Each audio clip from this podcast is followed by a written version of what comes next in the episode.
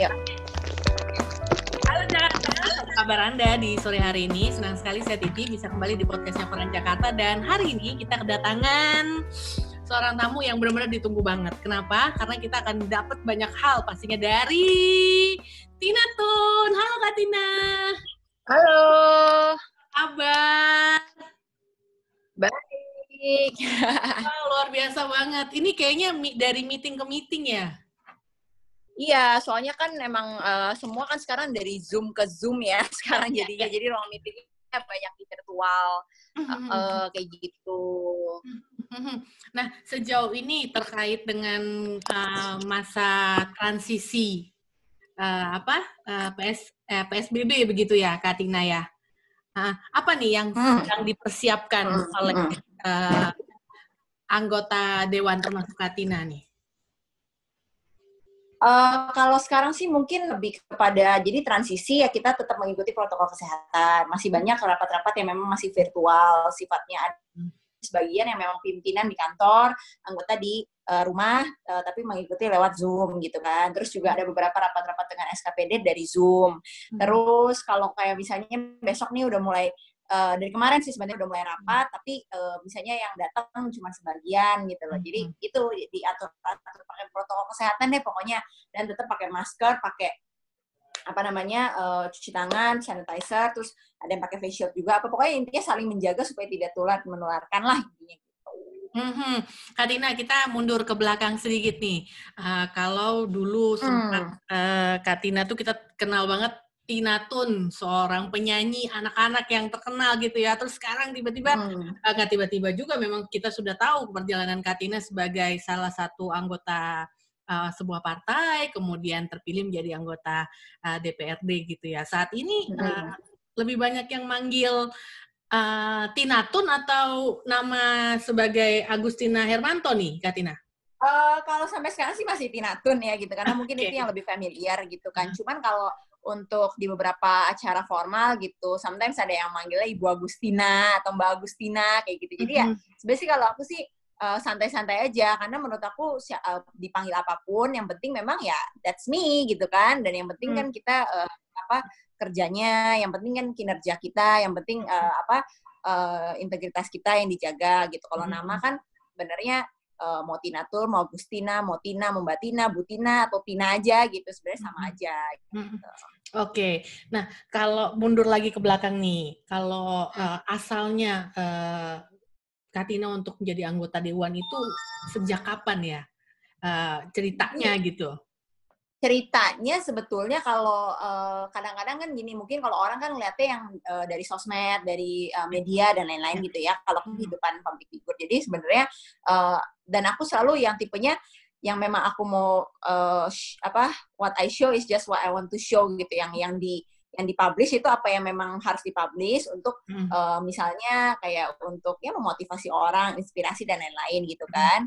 Nah terus eh, jadi orang nggak ada yang tahu bahwa dari semenjak udah beberapa tahun belakangan ini, memang aku juga ada kegiatan di eh, partai politik, terutama di saya partai sebetulnya dulu. Jadi Ya. saya partai ikut ikut ini aja sebenarnya bansos, ikut eh, apa kegiatan-kegiatan yang sifatnya kayak pelatihan Pancasila gitu, pelatihan eh, apa undang-undang kayak gitu-gitu Hmm. yang yang lebih ke eh, kaderisasi lah gitu. Dan Mhm. akhirnya aku mantap untuk eh, menjadi kader PDI Perjuangan. Terus udah gitu eh, waktu awal itu aku ber-KTA sebetulnya jadi udah udah lama terus baru ber-KTA gitu karena kan memutuskan untuk masuk eh, partai gitu kan di PDI Perjuangan itu 2017. Terus di 2018 itu awalnya aku niatnya hanya sebagai tim ses gitu. Tim sukses pada saat itu kan pileg dan pilpres ya. Jadi ya cuman ngedukung ngedukung aja gitu tadinya. Cuman karena kuota perempuan dan juga ada permintaan juga eh, dari apa namanya DPD pada saat itu eh, coba apa nyalek deh gitu. Setidaknya menambah suara partai dan karena kan mungkin ada popularitas ya gitu kan. Dan Mhm. Kuota perempuan gitu. Cuman tadinya aku nggak mau karena aku pikir kayak kayaknya it's not the time deh gitu. Jadi aku berasa harus eh, apa proses dulu dan lain-lain gitu kan. Karena aku pikir kan dunia politik tuh yang aduh kalau kita nggak matang ntar takutnya diapain kayak gitu-gitulah. Karena kan ya orang awam kan pasti kalau tentang politik karena aku nggak di politik praktis ya dulu berpolitik tapi politiknya kan ya sebagai apa sih politik eh, belajar politik kayak gitu-gitu. Jadi aku berpikir yang wah nanti gimana gimana gimana tapi mm-hmm. ya itu kalau udah jalannya Tuhan ya kita nggak ada yang mm-hmm. pernah tahu gitu jadi akhirnya pada saat itu ya udahlah pokoknya isi aja gitu uh, sampai uh, apa isi formulir pada saat itu aja kan harus ngisi SKCK, yeah. uh, isi surat keterangan ini itu polisi, narkoba apa gitu. Jadi aku pikir kayak aduh ribet banget ya ternyata gitu kan. Uh, terus jadi waktu itu nggak terlalu gimana-gimana, tapi pada saat kampanye pun aku cuma fokus ke kampanye presiden. Hmm. Uh, terus kampanye diri sendiri tuh lebih kepada ya udahlah, pokoknya intinya uh, yang penting ngeraup suara lah kayak gitu kan. Hmm. Jadi nggak yang fokus-fokus banget sampai akhirnya Desember pada saat itu kan kampanye memang panjang ya enam bulan ya. Hmm. Eh 8 bulan hampir. Jadi pada saat Desember itu aku berpikir bahwa kok kayak gini banget ya gitu kampanye kok orang sampai pengen banget sih jadi jadi di kursi DPR DPRD itu kenapa sih gitu jadi mm-hmm. sampai yang spanduk dirobekin terus udah gitu uh, apa namanya ya pokoknya black black uh, campaign lah kayak gitu-gitu mm-hmm. terus aku pikir kayak kayaknya harus orang-orang yang memang ini deh uh, apa yang punya niat yang bukan kan kalau orang punya niat sampai kayak gitu dengan dengan dengan cara-cara yang nggak baik kan berarti ada niat tertentu kan gitu. Jadi yeah, aku yeah, pikir yeah. kayak uh, jadi aku pikir kayak ayo udah deh kayaknya kita juga punya tujuan yang baik terus udah gitu kita anak muda namanya disenggol-senggol jadi makin panas kan ya gitu intinya cuma itu jadi dan pas turun uh, beberapa kali itu juga turun tuh diajakin gitu yang kayak turun diajakin turun ke lapangan apa aku pikir ya kenapa enggak gitu selama ini aku bisa bantu orang sekapasitas aku aja gitu sebagai penyanyi hmm. sebagai pengusaha dan lain-lain gitu dari keluarga dan lain-lain tapi kalau sebagai anggota DPRD aku bisa melakukan lebih gitu kan dengan kebijakan yang ada dengan anggaran yang bisa kita kawal dan lain-lain jadi hmm. akhirnya ya udah dari situ mulai serius dan ya itu kalau uh, apa Tuhan yang berkehendak terus udah gitu masyarakat juga mempunyai harapan terhadap kita ya akhirnya terpilih gitu. Hmm. Uh, Katina, tadi Katina sampaikan anak muda dan tujuan yang baik. Itu dua hal yang sebenarnya dari sisi uh, politik ini pasti banyak hal yang yang yang yang uh, istilahnya menjegal dan segala macam karena anak muda terus hal yang baik gitu. Jadi sepanjang Katina menjadi anggota DPRD sampai dengan saat ini gitu ya, ada nggak yang bisa uh, diceritakan terkait dengan anak muda dan hal yang baik yang sampai sekarang mungkin Katina terus ya. mempertahankan ya. itu gitu. Sebenarnya gini, kalau anak muda sebetulnya kita tuh menang di semangat ya sama di uh, apa? Mungkin di tenaga kita masih fresh, terus kayak yeah. mungkin kayak masih fresh graduate juga, aku baru selesai S2 gitu-gitu. Jadi kayak masih yang anggapannya tuh kayak ke kantor apa tuh kayak ke kayak kayak ke sekolah gitu. Jadi yang masih masih tertib, yang gitu-gitu. Terus semangatnya masih ada uh, terus juga mungkin kepentingan kita nggak terlalu banyak ya gitu karena ya uh, apa namanya balik lagi itu sih sebenarnya bukan anak muda aja siapa pun gitu. Kalau yang di politik memang tujuannya untuk uh, ya kan ada dua ya yang mau cari makan sama mau ngasih makan misalnya kayak gitu kan. Jadi jatuhnya yeah, yeah, yeah. kalau emang emang yang tujuannya uh, memang mau ada yang tujuannya nyari panggung misalnya pengen pengen berpuasa ada yang tujuannya memang untuk mungkin cari uang gitu kan apa. Tapi kalau memang tujuan kita untuk yang baik untuk ya kita bisa punya satu apa ya kan ini kan satu lencana untuk kita bisa pakai untuk bisa menjadi uh, apa sih kayak berkat buat banyak orang yaitu yeah. yang yang yang kalau tujuannya seperti itu mau anak muda mau enggak sih sebetulnya yang harusnya tujuannya seperti itu gitu mm. kalau udah mau ibaratnya kan ini kan pelayanan yang melayani gitu yeah. jatuhnya udah ke situ nah tapi kalau anak muda selama jadi anggota DPRD sekarang sih uh, fine, oke, okay, dan aku merasa bersyukurnya sekarang banyak juga anak muda di, di legislatif oh, nih, okay. jadi nggak sendirian. Terus udah gitu juga uh, kayak kalau dari PD Perjuangan kira-kira kayaknya hampir setengah sih semuanya anak-anak muda gitu. Jadi yang kayak uh, apa ya uh, dan yang seniornya pun juga akhirnya sangat sangat open minded gitu dengan dengan hmm. apa masukan kita dengan apa segala macam. Kita diskusi itu sama rata. Nggak ada yang kita dipikir kayak junior atau apa. Itu aku senangnya seperti itu. Dan malahan kita banyak belajar. Kayak misalnya hmm. anak muda kan kayak kita mungkin dari segi pengalaman yang mungkin belum belum terlalu banyak ya di politik gitu. Misalnya kita punya satu tujuan apa. Kadang-kadang kita mikirnya langsung mau wah jeda-jeda, tapi akhirnya itu nggak kesampaian gitu loh. Hmm.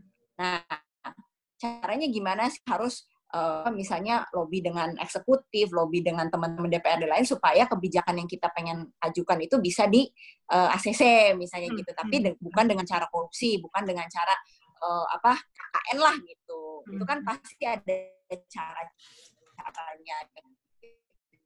Itu kayak sekarang sih harus berjalan ke masyarakat. Aspirasi itu kita mau perjuangkan itu aspirasi masyarakat gue lah. Sekarang di DPRD ada 106 orang ya. Itu yang orang-orang yang harus dilihat bahwa ini kebijakan ini harus kita perjuangkan loh gitu. Ya, ya seperti seperti itu. Terus udah gitu berikutnya kalau hal baik ya itu kalau kita tujuannya baik sih sebenarnya kayaknya oke-oke aja ya gitu. Karena uh, berarti tergantung kita sebetulnya. Kalau misalnya kitanya juga mungkin ngerasanya kita bukan orang yang gimana kayaknya juga nggak diajakin yang aneh-aneh juga sih gitu. Mm-hmm. Uh, kami sempat melihat beberapa kali uh, Kak Tina uh, menginformasikan mengenai anggaran, uh, bahkan dulu sempat hmm. yang kasus uh, kalau nggak salah lem atau apa gitu ya, Katina juga sempat hmm. sampaikan di Instagram dan sebagainya. Begitu sangat terbuka kepada kami, uh, istilahnya kami wartawan, kemudian kami rakyat yang memang uh, pengen hmm. tahu lebih detail uh, apa dan bagaimana gitu. Kalau tanggapan dari rekan-rekan sendiri dengan uh, keterbukaan uh, Katina gitu seperti apa?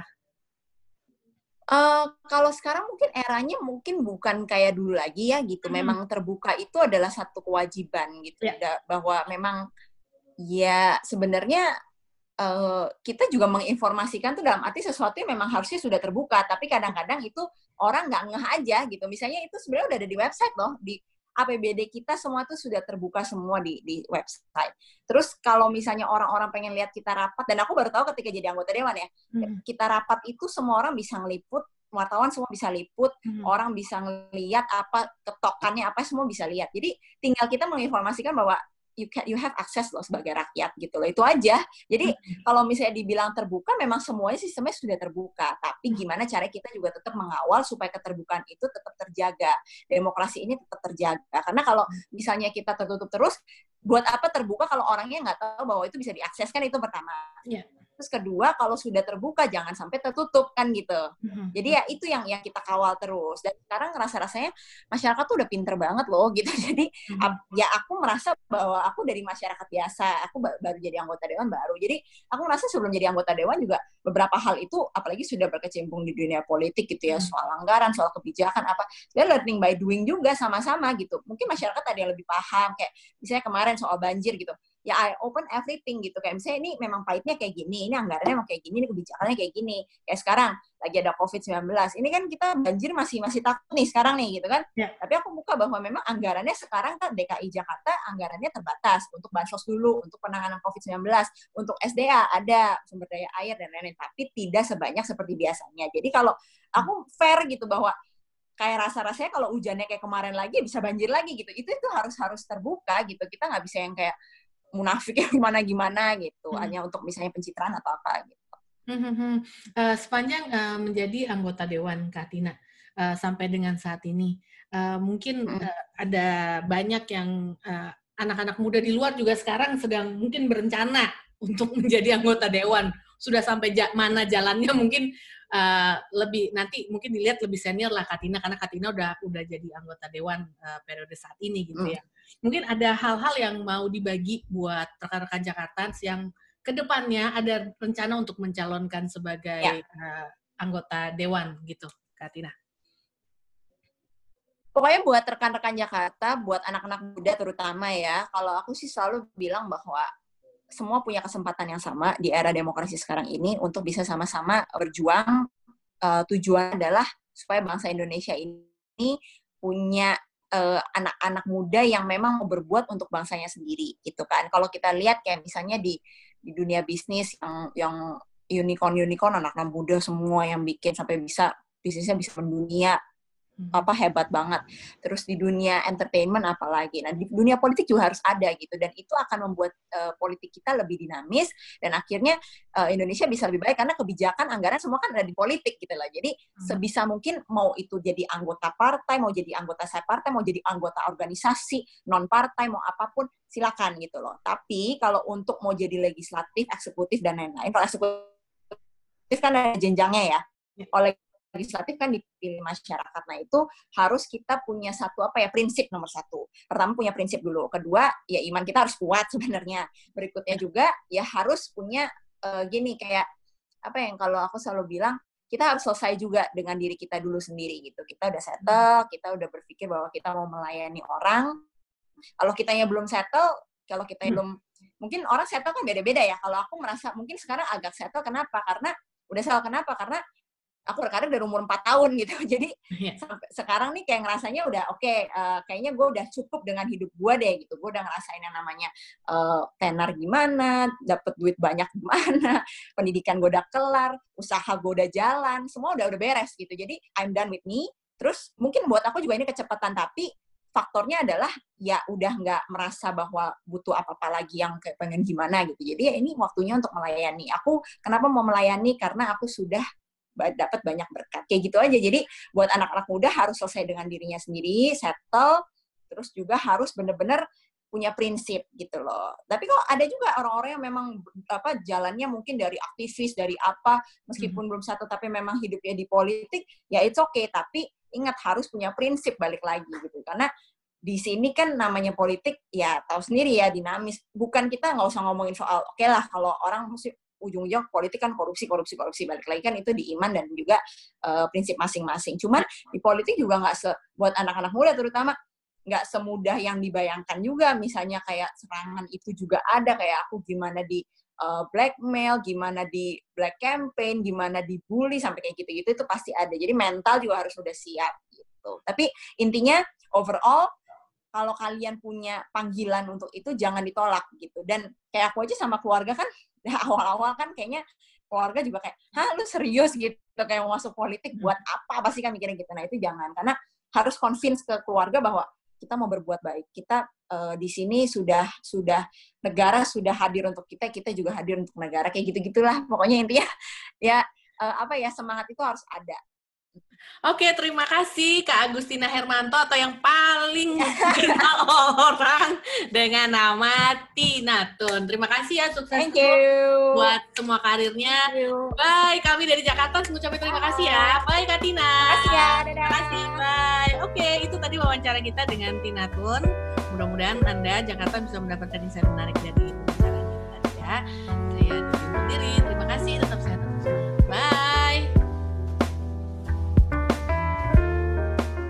Jangan lupa follow podcast Koran Jakarta untuk mendengarkan diskusi dengan tema yang tentunya menarik.